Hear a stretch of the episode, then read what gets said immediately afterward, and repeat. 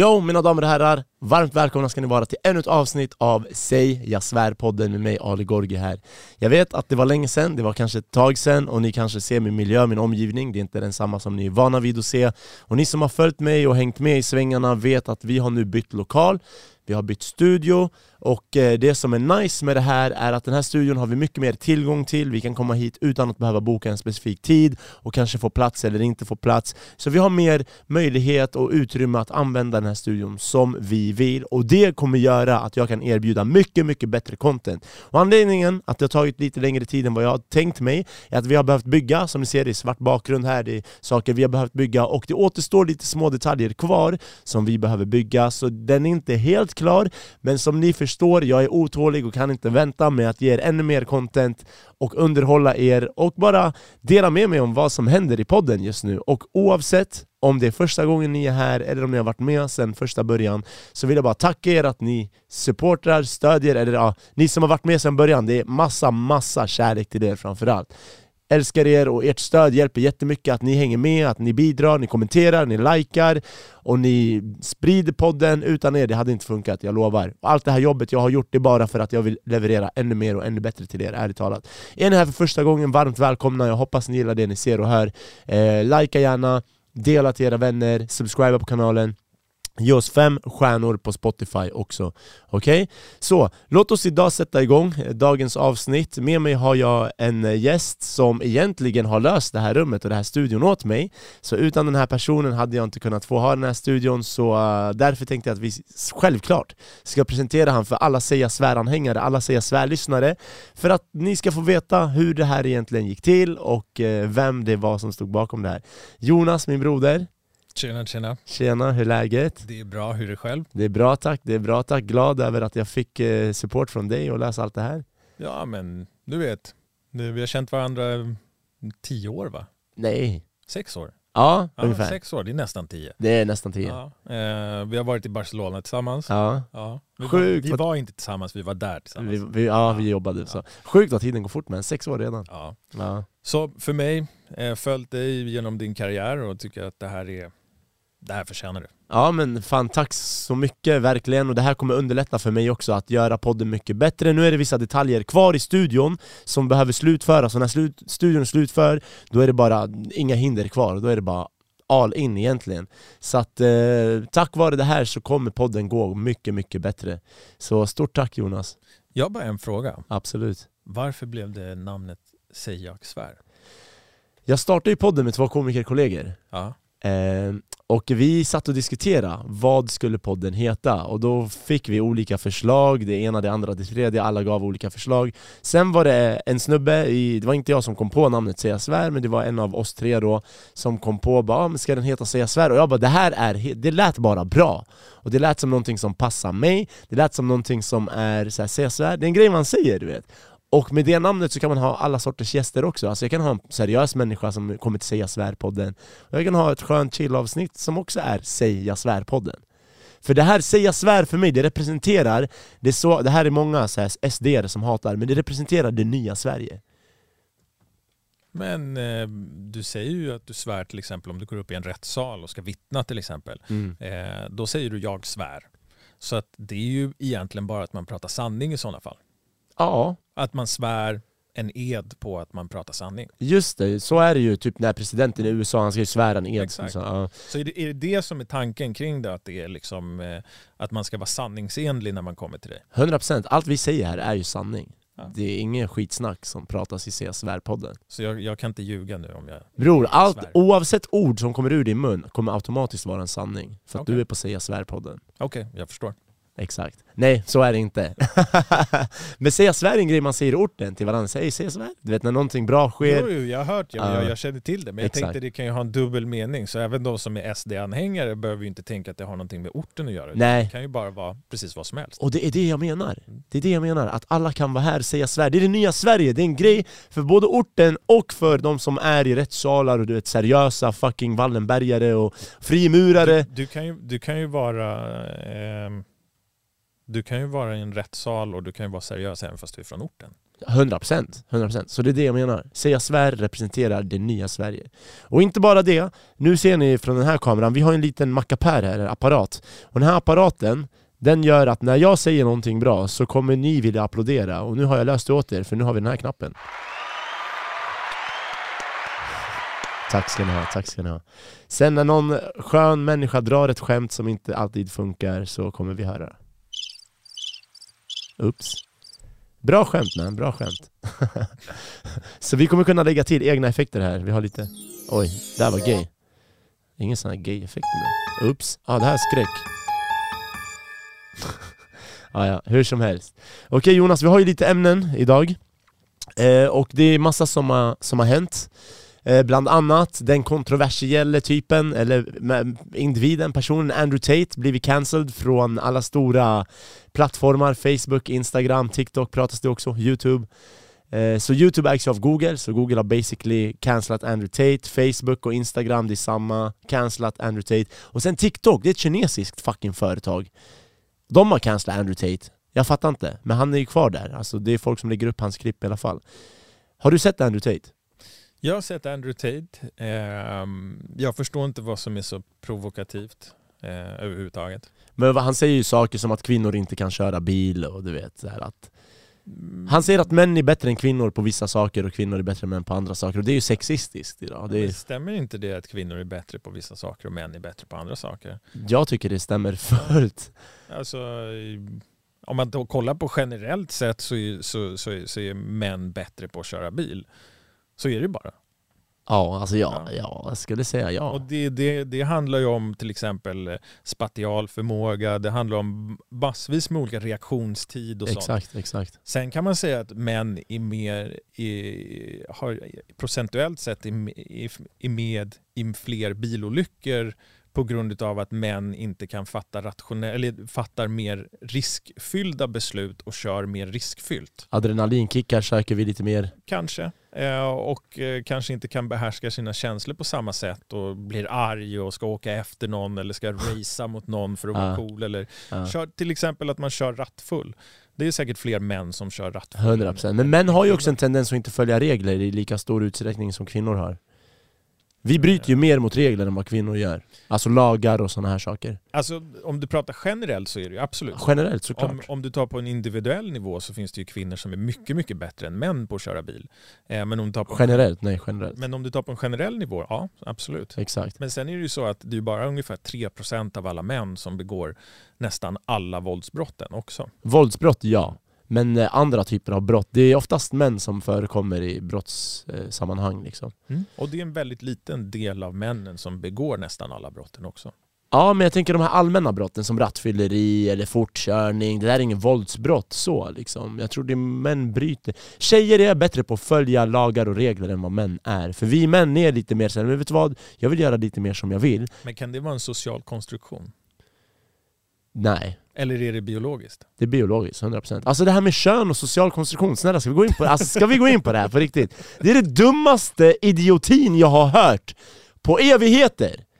Hur är det en social konstruktion att jag är fucking tio gånger starkare än en kvinna? Om jag boxar en kvinna mitt i ansiktet, allt vad jag har Chansen är stor att hon bryter något ben i hennes face Om en kvinna boxar mig i ansiktet, allt vad, vad hon har Finns det en chans att jag kanske bryter något ben i min face? Absolut, men inte lika stor chans som att jag bryter hennes face, förstår du? Så hur är det där en social konstruktion? Hur? Eh, ja, alltså nu, nu är inte jag på den sidan som Nej. förespråkar eh, den där genusvetenskapen som, ja, den, enligt mig så är den väldigt snedvriden. Eh, men jag antar att kanske styrka också då skulle ingå i en social konstruktion också. Men då betyder det att typ så här, unga män har lärt sig av sina föräldrar att de är starkare. Eller de är starka, du, du har kraft, du är ung. Medan en kvinna egentligen har kvinnan lika mycket styrka och kraft som en man. Men bara för att föräldrarna är lite mer ömtåliga med den här lilla söta tjejen så blir hon inte lika stark, du vet, för att hon har behandskats med silkeshandskar i, i sin uppväxt. Medan män har varit tuffa. Ramlar han så upp med dig, kom igen, du är stark grabben. Men om en tjej ramlar, så åh lilla tjejen, och då blir hon socialt svag, alltså hon blir svagare fysiskt av det sociala beteendet liksom. Ja, alltså det är så svårt att diskutera om det här ämnet eftersom att vi, Vi håller med. vi håller med varandra. Så, så för mig är det bara en absurd diskussion. Liksom. Det är såklart att det är skillnad mellan kvinnor och män. Eh, Men bror, om du studerar i högskola och du har en kurs som säger så här, ja men kön är en social konstruktion. Hur kan du fortsätta tro på att någonting i den kursen är på riktigt? Alltså, jag tror väl att det finns väl någon typ av, eh, alltså en pytteliten sanning att det finns sociala konstruktioner av folks beteenden. Eh, och det kan ju ta sig i form av eh, kulturella saker. Eh, nu har jag inget exempel, men det kan vara till exempel att män klär sig i vissa kläder och kvinnor klär sig i andra eh, kläder. Det kan ju vara någonting som, som faktiskt är från en social konstruktion. Eh, men att en kvinna skulle kunna vara lika bra som en man på, på styrkelyftning, det kommer aldrig hända. Mm. Eh, så, och, det är ju, och att en man har mer adrenalin och att en man har mer testosteron, det är ju liksom biologiskt. Mm. Och så ser ju skillnaderna så är, så är det. 100% Men återigen, frågan var om du går i en kurs i en högskola som mm. säger att kön är en social konstruktion och allt med vad det innebär, alltså alla de här exemplen du gav Alltså nej men egentligen är vi samma, vi är lika starka, det är bara att vi socialt har lärt oss att du är man, du är kvinna mm. Och att de är såhär, men egentligen det är ingen skillnad whatsoever Hur kan du då tro på att någonting i den här kursen är korrekt? Alltså jag hade ju bara, vet du vad, du är fucking galen Om det var min professor, jag hade bara, ursäkta mig Ursäkta mig! Vad sa du? Men det, det är väl därför det är så pass många idag som som eh, väljer liksom alternativa utbildningar och som startar egna företag och liksom går egna vägar än att gå den traditionella vägen för att man kanske har tappat liksom, eh, troheten till systemet som finns. 100 procent. Eh. Oj, det här var inte så bra. du får sätta det på ljudlös. Ah, fy fan alltså. Så här är det mina damer och herrar, jag har kopplat upp min mobil till det här systemet här med de här härliga knapparna. Eh, och nu så visade det sig att jag hade glömt att ha den på, nu ringde någon här Och då visade det sig att det ringer här Och anledningen att jag har kopplat upp mobilen här är för att jag ska spela upp eh, ett klipp till er eh, På tal om Andrew Tate, men jag tänkte vänta med det klippet för att vi är mitt inne i ett hett ämne här eh, Och vad var, vad var det sista du sa nu, kommer du ihåg det? Nej men det var en annan grej som jag mm. kom att tänka på Och det är att varje gång du kommer prata med en feminist mm. Eller någon, jag vet inte vad man ska kalla det idag för den här rörelsen som finns, vänsterliberala rörelsen eller vad det är. Mm. Varje gång du pratar med en person och du tar upp ett exempel på hur extrem rörelsen är så kommer alltid de säga men jag står inte för det.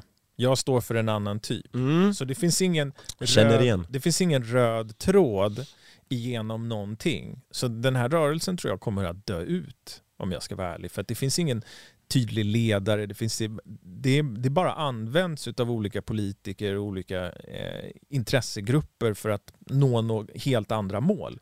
För att det viktigaste, vad jag tycker, det är att vi faktiskt har ett samhälle där alla är lika inför lagen. Oavsett vem man är.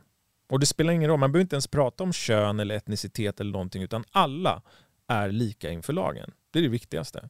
Och den måste upprätthållas.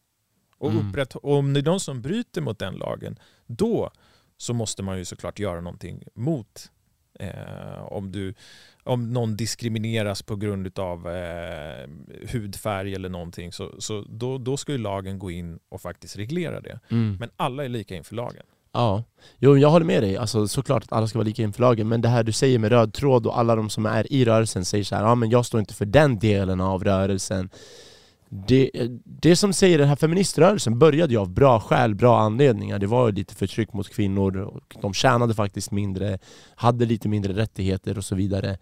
Men nu har Men de... hade inte alla dåliga rättigheter? Män har ju haft det lite bättre, alltså rent alltså, historiskt, jo, det, har, alltså, det är klart vi, att vi... Om vi tittar på de männen som, ha, alltså, vi, hur lång tid går vi bak tiden? 200 år, 100 år? Det var inte så att män 100 år sedan hade det jävligt bra.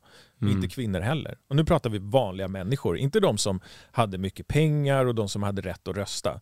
Utan när den allmänna rösträtten infördes i Sverige, då var det ju att alla fick rösta, inklusive kvinnor.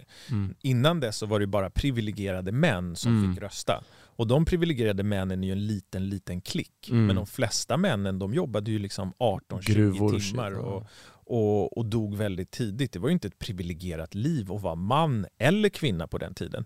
Sen kanske, sen kanske man får gradera saker i helvetet. Att en kvinna hade inte rätt att äga men en man hade rätt att äga och förvalta familjen.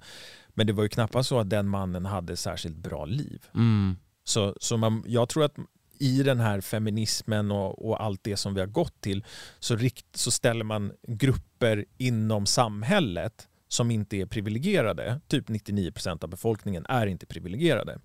De grupperna behöver man ställa mot varandra. Invandrare mot svenskar, kvinnor mot män. Och sen så glömmer man bort att nej men, vi ska väl bara kämpa tillsammans för att få bättre saker. Vi ska väl inte kämpa mot varandra och prata om att eh, om att det är för mycket skjutningar och vi ska stoppa invandring. Och förstår vi, vi, vi bråkar med varandra mm. när vi borde kämpa mot varandra eller när vi borde stå hand i hand med varandra. Mm. Det, det, är min åsikt. Men har inte samhällen alltid varit att människor kämpar emot varandra? Klaner emot varandra, territorium emot varandra? Jo, det är normalt. Alltså, vi är ju, om, om du bor till exempel, var bor du någonstans? Kista. Kista. Det är ditt hood, eller hur? Ja. Det är ditt område. Om det händer någonting, då ställer du upp för de som bor där. Händer alltså så, så, nu är inte jag den typen som vaktar nej, orten liksom. Nej men jag menar, jag pratar inte om vakta orten. Men, om... säg Stockholm och det, någon invaderar Stockholm och så vidare, då det är klart jag hade försvarat Nej men vi kan ta Kista som exempel, vi kan mm. ta ditt hus där du bor. Om, det, om, det, om du får reda på att det, att det brinner på Östermalm, du kommer inte åka till Östermalm nej, och, nej, och hälla vatten. Men brinner det i din trappuppgång, då kommer 100%. du hjälpa alla som är där. 100. Och du kommer känna att du har en tillhörighet i ert hus. Ni, det är ni mot kanske grannhuset eller det är ni mot en, en annan stad. Och, och, så känns det i Stockholm. Vi som är stockholmare, vi känner ju liksom att ah, vi, nu har inte jag bott i Sverige på 15 år nästan, så att jag känner inte mig som en stockholmare och jag känner mig inte som en svensk heller. Mm. Eh, jag är inte svensk heller. Um... vi hade den diskussionen innan. ja, För jag... mig är du ju svensk. Nej, men jag, är, jag är inte född i Sverige, jag har inte svenskt pass. Då är jag inte svensk. Så jag är bara en invandrare som, som pratar bra. Ja, mm. okej. Okay. Men du, din, någon i familjen är väl svensk? Mamman eller pappa? Nej, faktiskt inte. Ingen? Nej. Vart är dina föräldrar ifrån? Om du... Eh, min mamma är fransk-kamerunsk och min pappa är dansk. Jaså? Mm. Damn, okej. Okay. Men var, då är du fan ändå inte svensk alltså? Nej. Men danskar passar sig som svenskar på något sätt? Eh, nej. Jo det gör ni fucking visst det, jo. Nej, danskar är helt annorlunda än svenskar. Men ändå, ni accepteras på ett annat sätt. Det är såhär, svenskar alltså, dissar jag, danskar. Jag identifierar mig inte som dansk. Nej, jag har inte sagt det. Jag har aldrig fått för mig att du är dansk på något Nej, fucking sätt. Jag, jag har ingen, ingen danska um, värderingar eller sätt eller Nej. någonting. Nej. Mm. Ja, okej. Okay.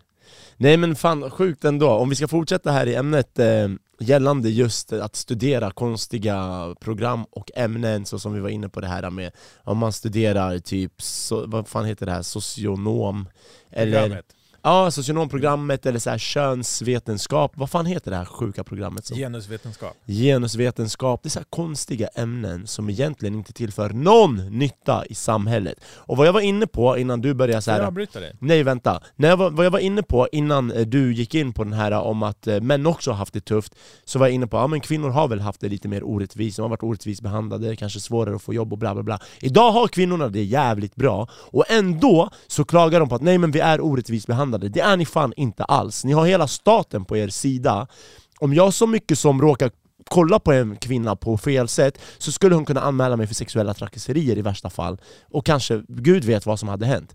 Så att vi, har, vi män har inte mycket skydd av staten idag, utan jag vet att många kommer undan med våldtäkt, jag pratar inte om det, jag vet inte fan hur de processerna går till, jag vill inte veta, det är ingenting jag är intresserad av. Men hur som helst, vad jag vill säga är att många studerar konstiga ämnen, såsom, eh, vad fan heter det? Gender studies, fan vet jag. Eh, vad sa vi för något? Genusvetenskap? Genusvetenskap. Så finns det andra ämnen som folk studerar, just det här med socionomprogrammet, jag vet inte vad folk lär sig där. Statsvetenskap. Och när vi kollar på svensk politik idag, det är många av de här politikerna som har studerat, jag vet inte vad, de här ämnena, statsvetenskap och massa socionomprogram och så vidare. Sen kollar vi på hur samhället ser ut idag. Och alla klagar på att det svenska samhället går åt helvete just nu. Det är ingenting bra som sker. Vi är sämst i Europa när det kommer till säkerhet, dödsskjutningar, det går ner i åldrarna. Och du tänker, okej, okay, ni har säkert långt utbildade människor som har suttit bakom en skolbänk, läst forskningsrapport efter forskningsrapport, som sen anser sig vara kompetenta nu och styra ett samhälle, men de har ingen förankring till verkligheten.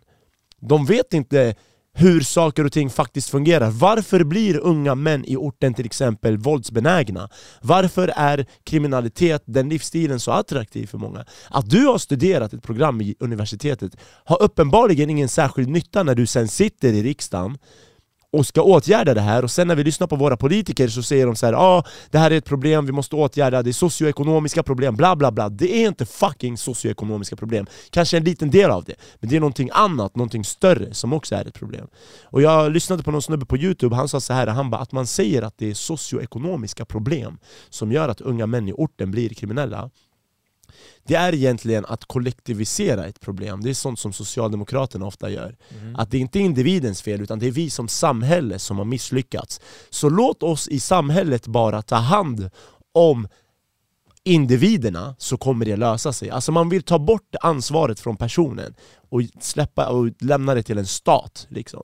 Så det är därför många så socialdemokrater och många universitet programmerar många människor att tro att nej men det är bara, hade de haft det bättre så hade det inte hänt och bla bla bla bla bla. Ja, men det är väl en förenkling av eh, ett problem. Problemet är mycket mer komplext ja. än, än, än, än socioekonomiska förutsättningar. Men, men såklart, det är såklart att det spelar en roll. Det gör det. Men eh, jag tror att jag tror att man måste nog inrikta sig lite mer och titta på om du tar en grupp med människor, vi säger att vi tar 200 människor, så vet vi att 1,5 procent av de människorna kommer begå 90 procent av alla våldsbrott eller 95 procent av alla våldsbrott. Och 95 procent av den 1,5 procenten kommer vara män. Så det, man kan säga ungefär 3 procent av befolkningen begår 90 procent av alla våldsbrott eller 95 procent av alla våldsbrott. Det kanske beror mer på genetik. Eh, och det beror säkert på vad som har hänt tidigt i barndomen. Alltså du har varit med om ett trauma. Eh, det kan vara flykt från krig, det kan vara en pappa som är alkoholiserad, eh, det kan vara en dålig skolgång och sånt är socioekonomiska. Så val av din kriminalitet kan ju bero på vart du bor. Men du är fortfarande lika många, av, av alla våldsbrott i Östermalm så, så är det 3% av befolkningen i Östermalm som begår Eh, eller 3% av männen som begår 95% av alla våldsbrott på Östermalm. Mm. Och jag är säker på att i orten så kanske det rör sig om några få procentenheter upp och ner beroende på geografiskt land vart man går, mm. bor någonstans. Sen tror jag också att eh, i länder eller på ställen där det är väldigt liten kriminalitet så kan det ju faktiskt vara, nu spekulerar jag, så att det kan ju vara så att man kanske har inte avlat på de människorna som begår brott. För Vad menar du med avlat? Ja, men alltså, säg till exempel, så här, nu kommer vi lite in på Andrew Tate-grejer här, men eh, om du går ut på krogen till exempel, nu kanske det funkar för dig, mm. för du är kändis nu. Nej. Men eh, om du går ut på krogen och så räcker du upp handen så här och så säger du så här, hej, hur många tjejer, eh, jag behöver ett ligg för ikväll. Mm. Hur många tjejer kommer springa fram till dig och gå hem med dig? Noll. Okej. Okay. Om du var en kvinna, jag har ställt den här frågan till kvinnor så att... Eh, Tio! Om, om en kvinna ställer sig på krogen, och hon behöver inte se särskilt bra ut heller, hon kan vara En sjua, en basic sexa. Ja, hon kan till och med vara en fyra. om hon ställer sig upp och säger jag vill ha någon att ligga med och gå hem ikväll, då kommer hon gå hem i tio fall av tio med en kille. 100 procent. Så det betyder att det är ju kvinnor som bestämmer datingmarknaden. 100%, det är inget nytt. Så, så, det här är inte ens Andrew Tate-grej, det här är basic facts. Ja, det, nej, men det vet vi. Så kvinnor bestämmer datingmarknaden och vilken partner de vill ha. Mm. Så om en kvinna får då lära sig eh, och har en dålig manlig förebild eller någonting mm. i sitt hem och får lära sig att och väljer fel typ av män att skaffa barn med, då kommer ju de barnen troligtvis också att nu är inte det säkert, men det finns en möjlighet att man då avlar eh, ja, en som är likadan som pappan. Då fattar jag. Du menar genetiskt, att mm. Eh, hon tog inte den bästa genetiska mannen att para sig med basically? Ja, jag, jag, jag, tror, jag tror till exempel en grej kan vara att du som, eh, att du som kvinna när du är ung, jag tror oftast det är unga kvinnor, tror att en kille som skriker väldigt mycket och som kanske är väldigt aggressiv, våldsam, har ett våldskapital och tatuerar sig och visar sig cool på det sättet och hävdar sig. Han har högt överlevnadsvärde. Ja, eh, och jag tror att eh, kvinnor i ung ålder misstar det för kompetens. Just det. Det är vad jag tror. Jag tror också det. För kompetens är någonting helt annat. Och Jag mm. tror kvinnor vill ha en kompetent man som är, som är duktig, som kan prata för sig och som kan försörja sin familj, som har, har ambitioner i livet. Och så. Intelligens. Intelligens. Karisma. Karisma ja, och så vidare. Och man kan missta det för andra saker. Absolut. Och samma jo, sak gör ju vi män såklart. Fast vi män tenderar ju... Utseende. Ja, vi tenderar ju ta det vi får. Ja, ja, ja, men vi, vi kollar inte på sånt som kvinnor kollar på, alltså det här med överlevnadsvärde. Vi kollar inte på en kvinnas överlevnadsvärde, vi kollar mer på utseende. Ser hon hälsosam ut, så här hip to waist ratio, du vet, och symmetri. Ja, alltså, det, det är därför män gillar stora rumpor, för ja, det är stora höfter. Smal midja. Ja, det ligger ju i genetiken för Exakt, oss. exakt. Så det är det jag menar. Stora bröst till exempel betyder att man kan ge mycket bröstmjölk. Exakt, det exakt. ligger i genetiken att vi ska tro att det är så. Och att de är lite röda om kinderna, därför sminkar de sig. Det är så här fertilitet. Du vet, för att när man tydligen är fertil vilket kvinnor inte är hela tiden, utan det är bara en viss period. Då blir man lite naturligt rödare, så därför smink, det, det fångar vår uppmärksamhet, de ser mer fertila ut, bla bla bla. Du vet. Alla de här genetiska sakerna, eller primitiva sakerna, attraktionsfaktorerna. Mm. Så det är det vi män kollar på, kvinnor kollar på allt det som du sa, det här med kompetens och överlevnadsvärde, Kommer, kommer familjen överleva tillsammans med den här mannen? Och där, där ligger ju utseende ligger ju också i, eh, i kompetensen. En del av det, men inte ja. lika, alltså vi män nej, är mer. Nej men till exempel en man som är väldigt vältränad, kan ja, man ju, absolut. Kan man, om du kommer till en arbetsplats så är det två personer som har exakt samma kompetens. De är lika duktiga på sitt jobb, de är lika extroverta, introverta, de, de har samma typ av personlighet. Om båda de personerna, om de har olika utseende, en är lite smällfet, eh, och ser inte så bra ut och har massa finnar och så är det en som ser väldigt, väldigt bra ut. Vältränad, eh, går på gym och så vidare och, och bara ser jävligt bra ut. Så kommer den personen i största sannolikhet att ta sig längre och lyckas längre i sitt arbetsliv 100%. och få fler kvinnor. De har ju till och med gjort studier på det här att folk som män som ser bra ut får lite lägre straff i rättsfall än vad fula män får. Ja, det kan nog stämma. Det, det har gjort studier på det. Det, det, kan nog stämma. Ja, det är en liten utsträckning säkert. Men ja, jag kan tänka mig det också. Och då, och då måste man tänka så här, är, är, det, är det rasistiskt? Nej, utan det är bara standard. Alltså, vi människor är människor och vi har vissa standarder som, Nej, alltså, jag tänk, som vi inte Jag kan tänker på att till exempel att i, i rättssal så vet man att någon som har en, en annan etnicitet kan få ett högre straff bara på grund av att den inte är vit. Ja. För samma typ av brott? Det är ju rasistiskt. Okej, okay. men är det verkligen rasistiskt? Ja. Varför? Om du är vit och har begått ett brott och jag är nu arab och har begått samma brott, mm. exakt samma, och jag får högre straff än vad du får på grund av att jag har fel etnicitet. Vad är det om inte rasism? Okej, okay, jag, jag ska ställa en motfråga. Är man, mer, är man rasistisk i Mellanöstern? 100%. Är man rasistisk i Afrika? Säkert. Eh, inte 100%? Jag är inte afrikan, jag har inte varit, jag har varit i Marocko eh, men jag har inte upplevt Afrika. Men, men absolut, rasism förekommer har, i alla etniciteter Jag, jag har en utgångspunkt. Och min utgångspunkt är att vi är typ likadana oavsett vad vi är på jorden. Så har vi samma typer av problem i samhällen och människor är ungefär lika. Det finns 3% som begår de flesta våldsbrotten och, och, och fram och tillbaka. Och de flesta människor söker sig till en, en lugn tillvaro. Så har du 1% mm. som försöker lyckas och tjäna väldigt mycket pengar. Och så vidare. och så vidare. Eh, och det jag menar är att om en, en svensk person åker till Afrika och begår ett brott så kommer han kanske bli dömd till ett längre fängelsestraff bara för att han är vit. Betyder det att de är rasistiska då i, eh, i, i Afrika? Eller i Mellanöstern? Eller kan det bero på att man inte känner en tillhörighet till någon annan etnicitet för att man inte känner dem. Jag, mm. jag, tror, jag tror att man måste belysa frågorna på ett annat sätt än att bara säga att det är rasism. Mm. Utan man kanske, man kanske ska analysera det och se, kan det se ut så här i andra länder också? Och vad beror det på? Beror det på att de är rasister eller beror det på att det finns något biologiskt i oss som gör att om inte vi känner igen den här individen så, så, så kommer vi liksom pusha den ifrån oss. 100%. Jo, på, grund av ut, på grund av bara utseende, eller det kan till och med vara klädsel. Mm. Alltså, nu är vi i Sverige vi är ganska blandade. Liksom, Väldigt blandade. I olika utseenden. Så att så se en svart person, eller en vit person eller en asiatisk person, det är inget konstigt i Sverige.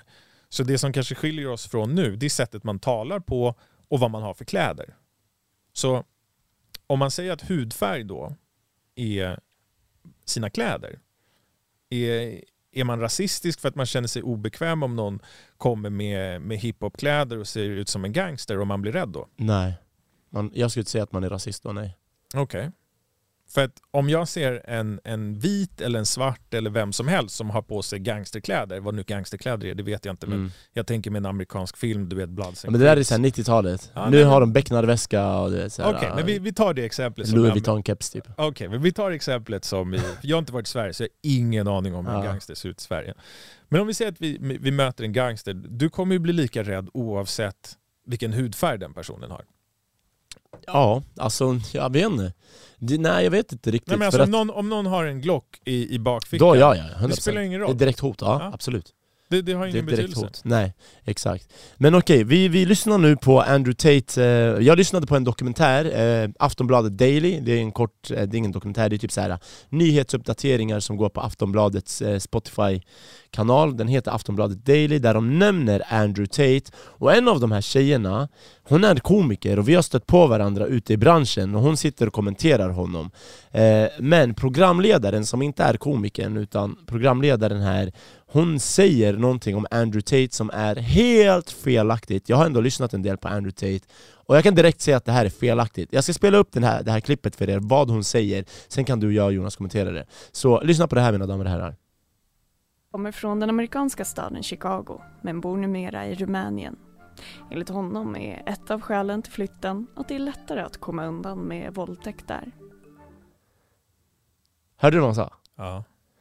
Hon började med att säga att han kommer från Chicago eh, men bor numera i Rumänien och ett av anledningarna att han valt att bo där är för att det är lättare att komma undan med våldtäkter.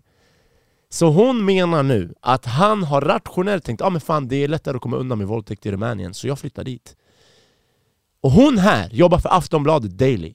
Förlåt mig, men var inte Sverige typ the rape fucking capital of the world, eller Europa, för bara några år sedan? Varför flyttar man då till Rumänien och inte till Sverige där uppenbarligen det är the rape capital här? Alla verkar bli våldtagna här. Så att det var en tanke jag kom att tänka på, så här, men va? Vadå rape capital? Och för det andra, eller vänta, förlåt, vadå flytta till Rumänien för, på grund av att det är lättare att komma undan? Och för det andra, hur vet hon att det är lättare att komma undan med rape i Rumänien? Är det ens sant? Och för det tredje, han har aldrig rapat någon. Ingen har någonsin sagt att han har rapat någon. Alltså, om man... Eh, om du skulle rapa någon i eh, Rumänien så är jag rätt övertygad om vad jag vet från, från de jag känner i Rumänien och, och folk som bor där är att eh, du kanske inte skulle bli dömd för våldtäkt men du skulle bli totalt slaktad. Ja, alltså det är ett kristet ortodoxt land. Du kanske, Sverige skulle hamna, du kanske skulle hamna 10 meter under jord. Liksom. 100%. Sverige har ju mer brottslighet än vad Rumänien har. Mm. Det är fler som blir skjutna till döds i Sverige idag än vad det blir i Rumänien. Och återigen när vi pratar om socioekonomiska faktorer som leder till våldsbrott Har inte vi i Sverige en ganska högre levnadsstandard? Den sämsta människan, nej den som har sämst levnadsstandard i Sverige Har inte den högre levnadsstandard än vad den som har det sämst ställt i Östeuropa och länder som Rumänien till exempel? Alltså, jag har ju bott i Ukraina i fyra år nästan. Så hur ser det ut i de värsta områdena där? Alltså det ser ju inte bra ut i de värsta områdena. Så skulle du säga Rinkeby till exempel, vilket anses vara ett av de här liksom, alltså, riskområdena, är, det, är det högre standard i områden som Rinkeby, Tensta, Kista där jag bor, än vad det är i de sämsta områdena i Ukraina? Nej, det är det självklart inte. Det är jätte, jättestor skillnad. Ja, Rinkeby har högre standard. Ja, ja, mycket, mycket större. Men jag tror att problemet med det svenska systemet, jag kom ju själv som flydde med min dotter och min eh, min fru som båda är från Ukraina och födda i Ukraina. Eh, och vi flydde ju kriget. Eh, och problemet när man kommer till Sverige som flykting, kanske inte om man kommer som arbetskraftsinvandring, men när man kommer som flykting, är att du blir bara, du blir bara satt i, eh, vad ska man säga, du blir bara satt i ett bidragsberoende. Du, kommer inte, du får inte möjligheten att komma ut från marknaden. Så jag kan dra ett snabbt exempel som vi inte drar ut på det för lång tid. Det är till exempel min fru. Hon har skaffat sig ett jobb. Hon ska jobba. Arbetsgivaren säger att ja, du måste ha ett eh, personnummer eller samordningsnummer. Mm. Annars kan du inte få jobbet. Eh, för vi kan inte betala ut lön och vi kan inte betala ut skatt. Och för det behöver man en adress för att få samordningsnummer? Ja, men adress kan hon få, men då får hon ta adressen. Eh, där har du ett exempel. Nu kan ju jag hjälpa till att lösa Exakt, det. Men hon kunde ha blivit satt i Norrland till exempel, ett mm. boende. Mm. Och så har hon ett jobb i Stockholm. Eh, så hennes problem det är ju att hon kan inte skaffa bankkonto, vi kan inte ta våran dotter. Vi ringde till, vi behövde åka, hon hade fått så utslag, så vi behövde åka till en, eh, en eh, vårdcentral. Så då ringde vi till vårdcentralen. De på vårdcentralen säger nej men vi har, det har kommit en ny lag nu i Stockholm, eller direktiv, så du kan inte få, ni kan inte få vård. Ni måste ja. vända er någon annanstans. Och vart vänder man sig då? Ja, det vet vi inte. The fuck? Eh, ja, det är jättekonstigt. Vi ringde till fem stycken vårdcentraler och de bara nej men ni kan inte få vård här för man måste ha personnummer eller samordningsnummer. Men va? Så vi var tvungna att dra till akuten eh, och de på akuten bara, nej men vi kan inte göra någonting för vi kan inte fixa något eh, samordningsnummer åt er. Eh, men sen var det en, en schysst sköterska som tittade på de utslagen och sa kom tillbaka akut om det är någonting men det, allting ser bra ut. Eh, så min fru, hon kan inte börja jobba. Eh, och eh, när vi säger det här till Skatteverket och till Migrationsverket och liksom, vi vill snabba på den här processen, vi vill liksom börja jobba det enda de säger det är ju att ja, men sök bidrag.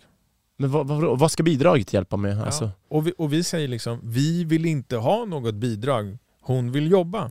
Hon vill, hon vill liksom in i arbetslivet. Och vad händer? Jo, nu har det gått liksom fem månader och fortfarande kan inte jobba.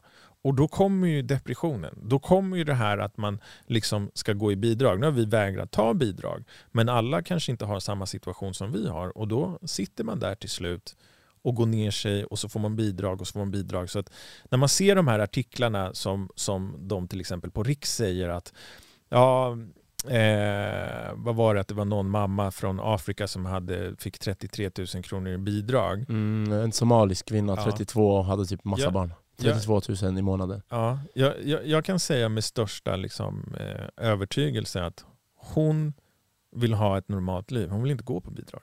Och sen är det så svårt du vet när man har vant sig vid att vara hemma hela tiden i flera år att nu faktiskt börja jobba och vakna på morgonen. Du vet. Det är svårt att bryta en rutin som har satt sig. Det är jättesvårt. Skitsvårt! Och det, det är det som politikerna misslyckas med i Sverige. Det är att förstå. Och man sätter ingen plan. Man måste ha en långsiktig plan. Planen måste vara 20 år framåt i tiden. måste ja. ha ett kortsiktigt mål, mellanlångsiktigt eh, mål. Sen så måste du ha ett långsiktigt mål. Hur, du liksom, om hur ska samhället se ut om 20 år? Sant. Och det, det pratar vi inte om. Nej. Det enda vi pratar om är att vi behöver mer poliser på gatorna, vi behöver hårdare straff. Ja. Ja, det enda som kommer hända är att du tar bort en buse från gatan kommer och så ny. kommer det en ny. Exakt. De byter av varandra. Exakt. Avbyta bänken. Och, och det här, det, det, jag håller i och för sig med om att man måste sätta stopp för buset genom hårdare tag. Men man måste också titta på hur ska, vi, hur ska samhället se ut om 20 år? jag håller helt med dig. Jag håller helt med. Och jag måste ändå säga att den problematiken den bygger ju ändå på vad svenska folket vill. Svenska folket måste ju faktiskt på någon, någon gång göra uppror och ta fram de här personerna som har en långsiktig plan. För jag kan säga att de politiker som finns idag, det är bara pajaser allihopa. Och om vi kommer in på det här med, med genus och, och grejer igen som du sa. Nu är det ju så att de flesta politiker, inte de flesta, men många av de ledande politikerna idag är ju kvinnor. Ja. Och det har ju inte gjort samhället ett dugg bättre. Det enda som man kan dra, som jag drar på slutsats, det är att en kvinna är precis lika bra på att vara en dålig ledare som en man och en man är precis lika dålig ledare som dålig politiker som en kvinna är. Liksom. Det är ingen skillnad. Mm. Så ja, jag tycker hela den där diskussionen om jämlikhet är konstig. Jag tycker man snarare ska bara prata om kompetens. Den som har den bästa kompetensen, det är den som ska jobba på arbetsplatsen. 100%. 100%. Men det ska ju det ska se, rätt, det ska se rättvist ut. Det är viktigare än än att saker och ting ska åtgärdas och lösas. Alexander Bard sa en smart grej. Ja. Han sa någonting om att på arbetsplatser så, finns, så har man jämlikhet i utseende men man har ojämlikhet i, eh, i åsikter. Och det, det är faktiskt sant. Mm. Alltså alla tänker likadant på stora företag och på medelstora företag. Du har så samma typ av åsikter. Men alla ser väldigt olika ut. Mm. Men om man då kommer tillbaka till frågan, hur spelar det, det spelar ingen roll vad man har för etnicitet, det spelar ingen roll vad man har för hudfärg, mm. utan det är väl vem du är och vad du har för åsikter som har betydelse. Ja, eller vad, vad tänker du med när du säger åsikter? Man får ju tycka vad fan man vill. Jo, men en bra fungerande arbetsplats där du har ett företag som utvecklas. Eh, ta till exempel Apple i, på 70, 80-talet, 90-talet. Jag är övertygad om att de hade en arbetsplats där det fanns hundratals olika idéer. Någon som tyckte att du skulle gå åt det hållet, någon som tyckte att du skulle gå åt andra hållet. Och det är så man möts i konferensrum, det är så man möts. Om, om jag har en arbetsplats där jag jobbar och jag är på ett möte, säg ett styrelsemöte eller någonting. Och så håller alla med mig vad jag säger. Mm. Ja, jag då bara, kommer ni ingenstans. Jag bara, vi ska gå vänster. Då kommer ni ingenstans. Och alla bara, ja absolut, vi ja. går vänster. Då kommer ni ingenstans. Men, men om vi går tillbaka till ämnet Andrew Tate och den här bruden som bara, det är enklare att våldta i Rumänien, därför bor han där.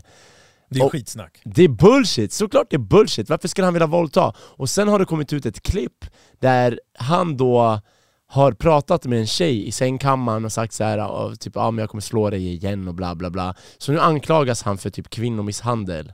Eh, och jag har det här, jag har klipp på kvinnan som var med i det klippet där han sa och pratade om hur han ska bälta henne. Hon kommer ut och pratar, så jag ska spela upp klippet här, vi kan kolla på det. Här är hon kvinnan nu. Jag delar skärmen med där, kolla. Varför hör man inte? Nu har vi inget ljud där va?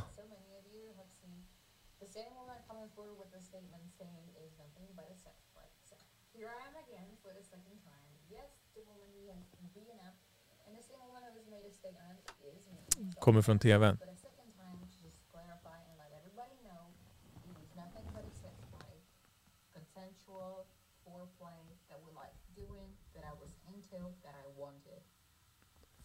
Så vi såg här hur hon erkände, bara, ja men det var jag i den här videon och eh, det var någonting vi gjorde under samlag, det var consensual, alltså samtycke fanns.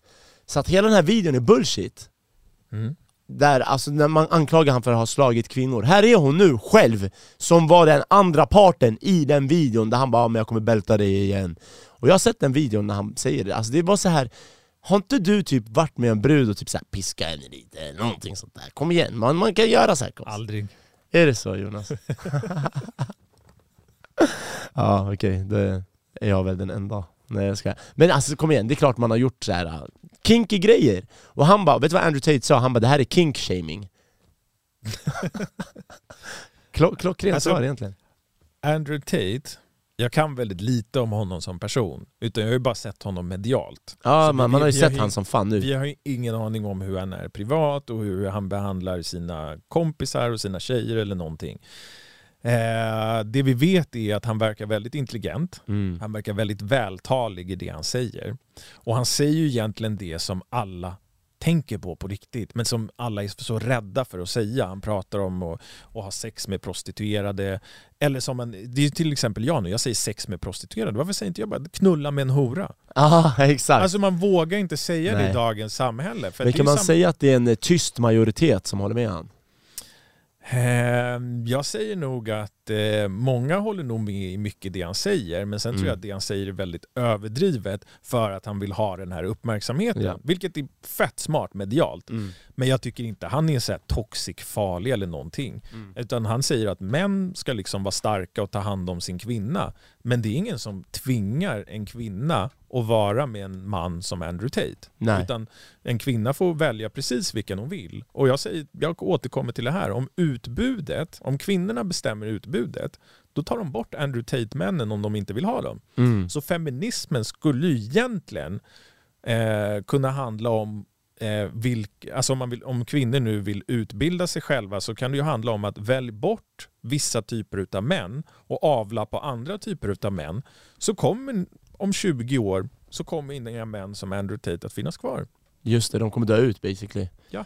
Så det ligger i kvinnornas makt att välja vilka de vill avla med. Mm. 100% men ja, det problemet är att kvinnor går inte igång rent Vänta, hur ska jag, jag måste formulera mig väl här.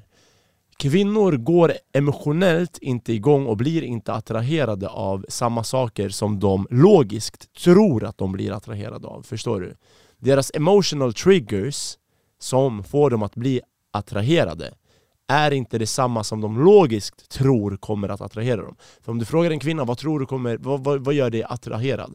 kommer säga ah, men en snäll man som har självdistans, som är charmig, som är för, där för mig hela tiden, skriver godnatt varje natt och god morgon varje morgon. Och du vet en sån här pussy egentligen, alltså de beskriver världens jävla simp.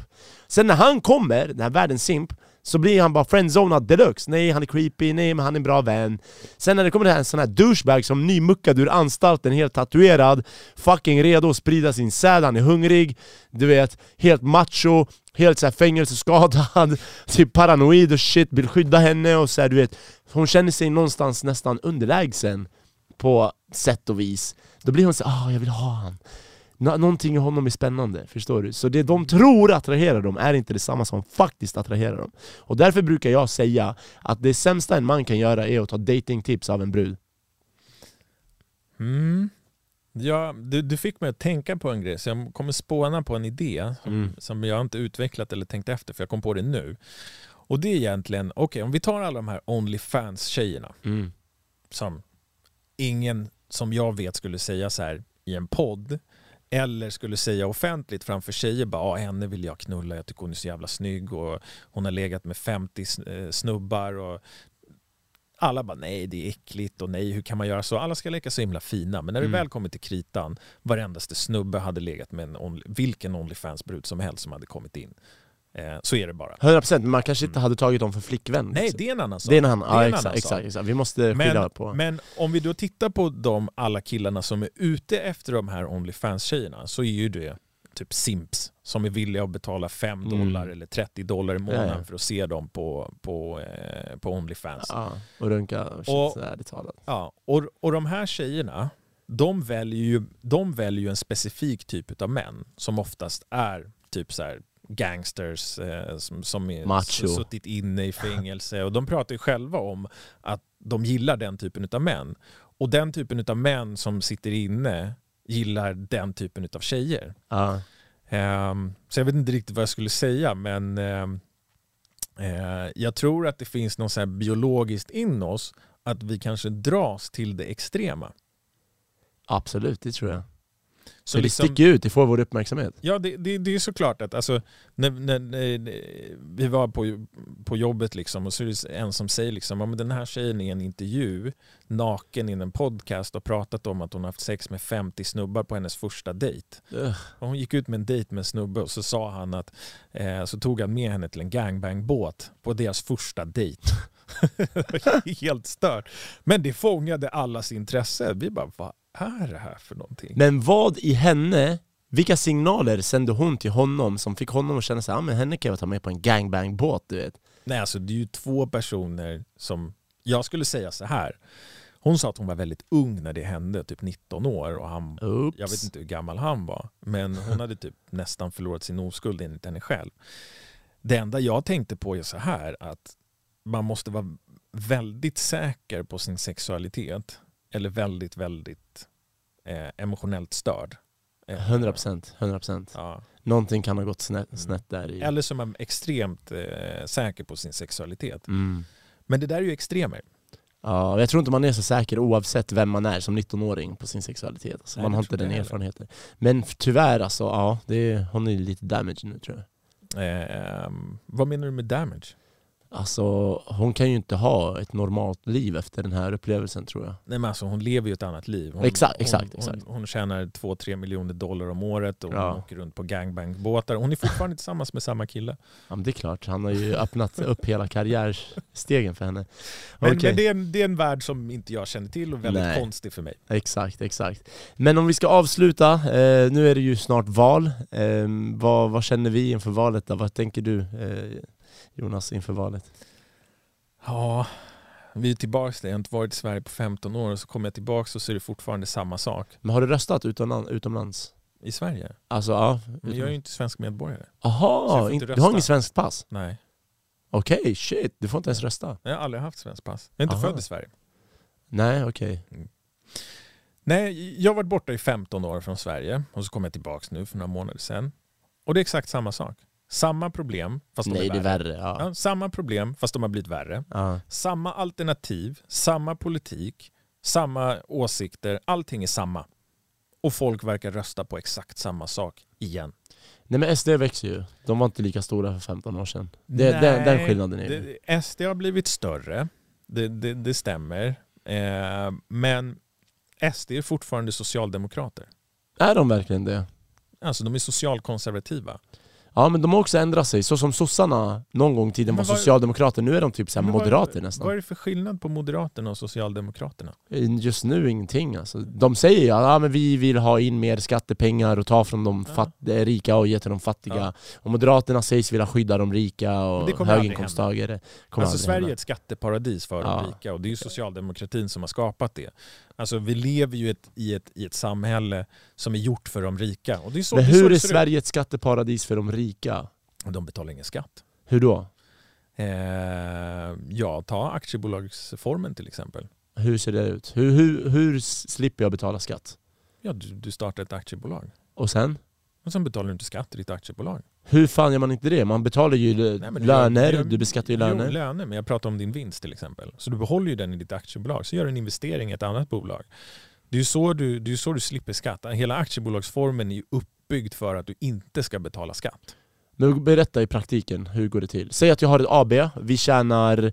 Ja, men nu tar vi, pratar vi för de som är rika. Inte för någon som har en vanlig restaurang eller ett vanligt företag. Utan vi pratar för de som är rika. Och vad skiljer sig ifrån... Okej, säg att jag har ett AB återigen och jag den här månaden drog in 400 000 den här månaden. Ja. Hur slipper jag beskatta de här 400 000 för Nej, men säg att du drar in 400 miljoner istället. Säg att du är Men ABB. varför är det en skillnad där?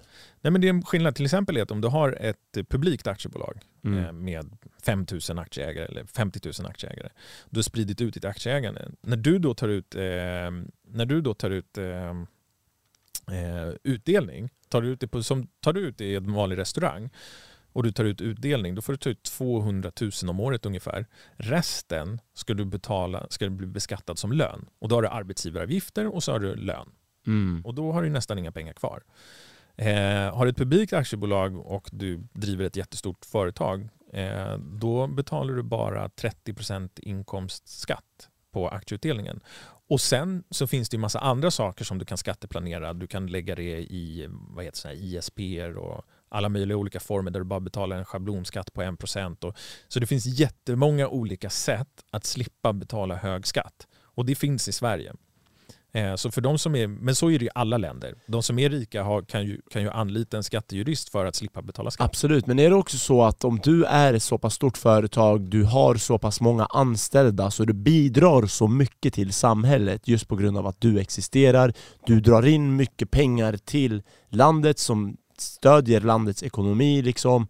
Blir det då att Sverige som land vill att du är lite systemhotande, om du försvinner då drabbar det landet Nej, men negativt. jag, är- jag, är inte, jag är inte kommunist. Alltså jag förespråkar inte höga skatter. Nej, nej nej det är inte det jag säger, men jag frågar, jag frågar dig bara nu Kan det vara så att om du som företag, du drar in så mycket pengar, du har så många anställda Därför gör vi som stat, vi ser lite mellan fingrarna för din skull Även om du slipper skatta så mycket som man egentligen ska Så bidrar du egentligen också jävligt mycket genom att anställa så många som faktiskt skattar Och så Mm. Nej, alltså min poäng är att systemet är uppbyggt genom korruption. Jag skulle säga att hela svenska samhället är genomsyrat av korruption. Eh, och vi har ett helt korrupt eh, samhälle. Och det är så pass korrupt så att ingen ens tänker på det. Men korruption, då tänker jag på så här Mellanöstern och Afrika alltså, så här, Ja, Ukraina, Ryssland till exempel. Du tänker Ja. på den typen av korruption. Exakt Där är, det, där är det mer öppet med korruptionen. Eh, men tänk dig så här. Svenska staten tar in vad är det, 2,3 eller 2, 2600 miljarder eller 2300 miljarder i skattepengar varje år. Vad händer med de pengarna? Sjukvård, skola, utbildning Okej, men var går de pengarna någonstans? Sjukvård, skola Vem gör sjukvården? Vem, köp, vem får... eh, Du, du, pratar om läkemedlen. Nu vet inte jag det här, men jag antar att läkemedlen är minst lika dyra i Sverige som de är i USA. Ja, ja, ja, men alltså att driva ett sjukhus, att ge Ja, alltså, skolmat, polis, Okej, ja, men vi, tar, vi, tar, brandkår. vi sak. nu gör ju polisen ingen fucking nytta men, Jo, det är klart de gör nytta. ja, men, Men- minimal alltså, de klarar jag, knappt jag pratar om, inte att någon får lön, som jobbar. Utan jag pratar om vart går pengarna och vart får vi för pengarna? Alltså pengarna går väl till ja, Riksbanken, är det inte så? Det är Riksbanken som nej, sitter men alltså, Svenska staten tar in eh, skattepengar. Så om du tjänar... Och skattepengarna går till Riksbanken. Svenska statens bank är ju Riksbanken. Ja, ja men de, har, de har, håller sina pengar någonstans, ja. ja. Men svenska staten gör ju av med alla pengarna också. Ja, de ja. investerar i nya vägar, avlopp, vatten. Okej, men vi tar det. Vi tar till exempel vägarna. Så det finns tre bolag, eller två bolag, som har en sån här kartell. Mm. Och det har mm. alltid varit så här, vart femte år så kommer det upp en artikel i, i Aftonbladet eller Expressen om vägkartellen som pumpar upp priserna för att ta ut så mycket pengar som möjligt för att, mm. för att lägga asfalten. Eh, vi har ett sjukhus som byggdes i Stockholm, Karolinska. Vad skulle kosta 17 miljarder? Slutade på 117 miljarder eller något sånt. Mm. inte det korruption? Men vad berodde vem det på? Tjänar, vet man? Ja, men vem tjänar de pengarna? Men vet man vad det berodde Var på? Var hamnar de pengarna Det är det jag frågar. Samhället? Vet man vad det berodde på att det kostar så mycket mer i Karolinska än vad det egentligen men hade? Det har alltid sett ut så. Alltså du tänker du har 800 miljarder om året av skattepengarna som går till offentlig upphandling, köpa in jag vet inte, allt möjligt som staten behöver. Nu kan inte jag exakta siffran men jag kan tänka mig att mycket av den offentliga upphandlingen, mycket av de skattepengarna som går ut går till en väldigt liten grupp i samhället som 100%. roffar åt sig mest. 100%. Och det är för mig korruption. Det är exakt vad korruption är. Mm. Men så du menar då, om, om vi tar Karolinska som exempel, mm. att det skulle kosta 17 miljarder, det kostade 117 eller vad det var vi sa nu.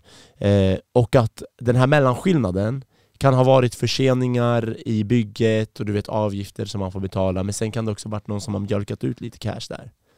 Ja, men alltså, om vi ska leka med tanken, kom mm. igen. Alltså, mm. Om jag, ja, men det är det, om, alltså, om det jag får ett statligt... Vi vet ju inte hur det ser ut i verkligheten. Nej, men jag, jag, kan bara ta mig själv som exempel. Jag kan tänka mig att de som sitter på en nivå där de kan tjäna 117 miljarder och bygga ett sjukhus.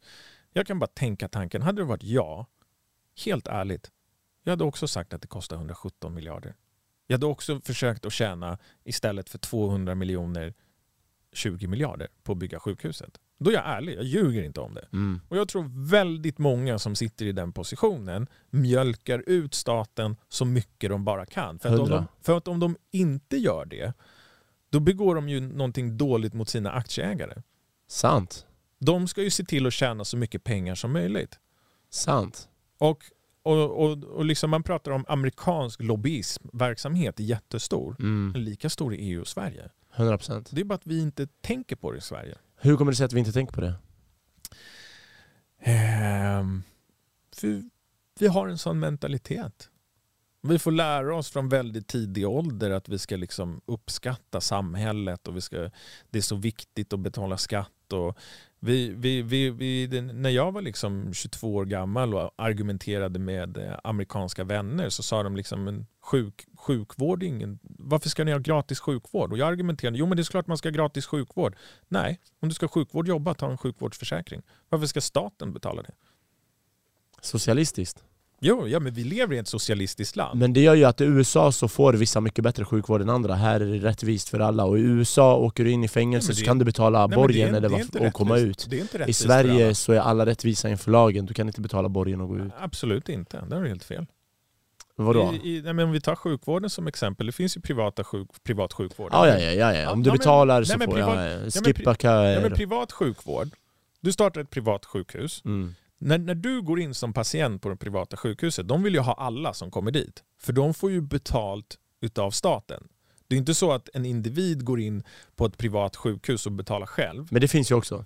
Ja men det är andra typer av, eh, det är typ om du ska göra liksom. botox och sånt. Men om du går in på ett privat sjukhus, då betalar du inte själv. Staten betalar eh, typ 5000 kronor för den operationen eller vad du ska göra. Staten betalar alltid de privata sjukhusen. Men är det försäkring då? Typ? Precis, men det du kan göra om du är rik det är att du kan ta en sån här superförsäkring så att du kommer före kön på det privata sjukhuset som finansieras av skattepengar.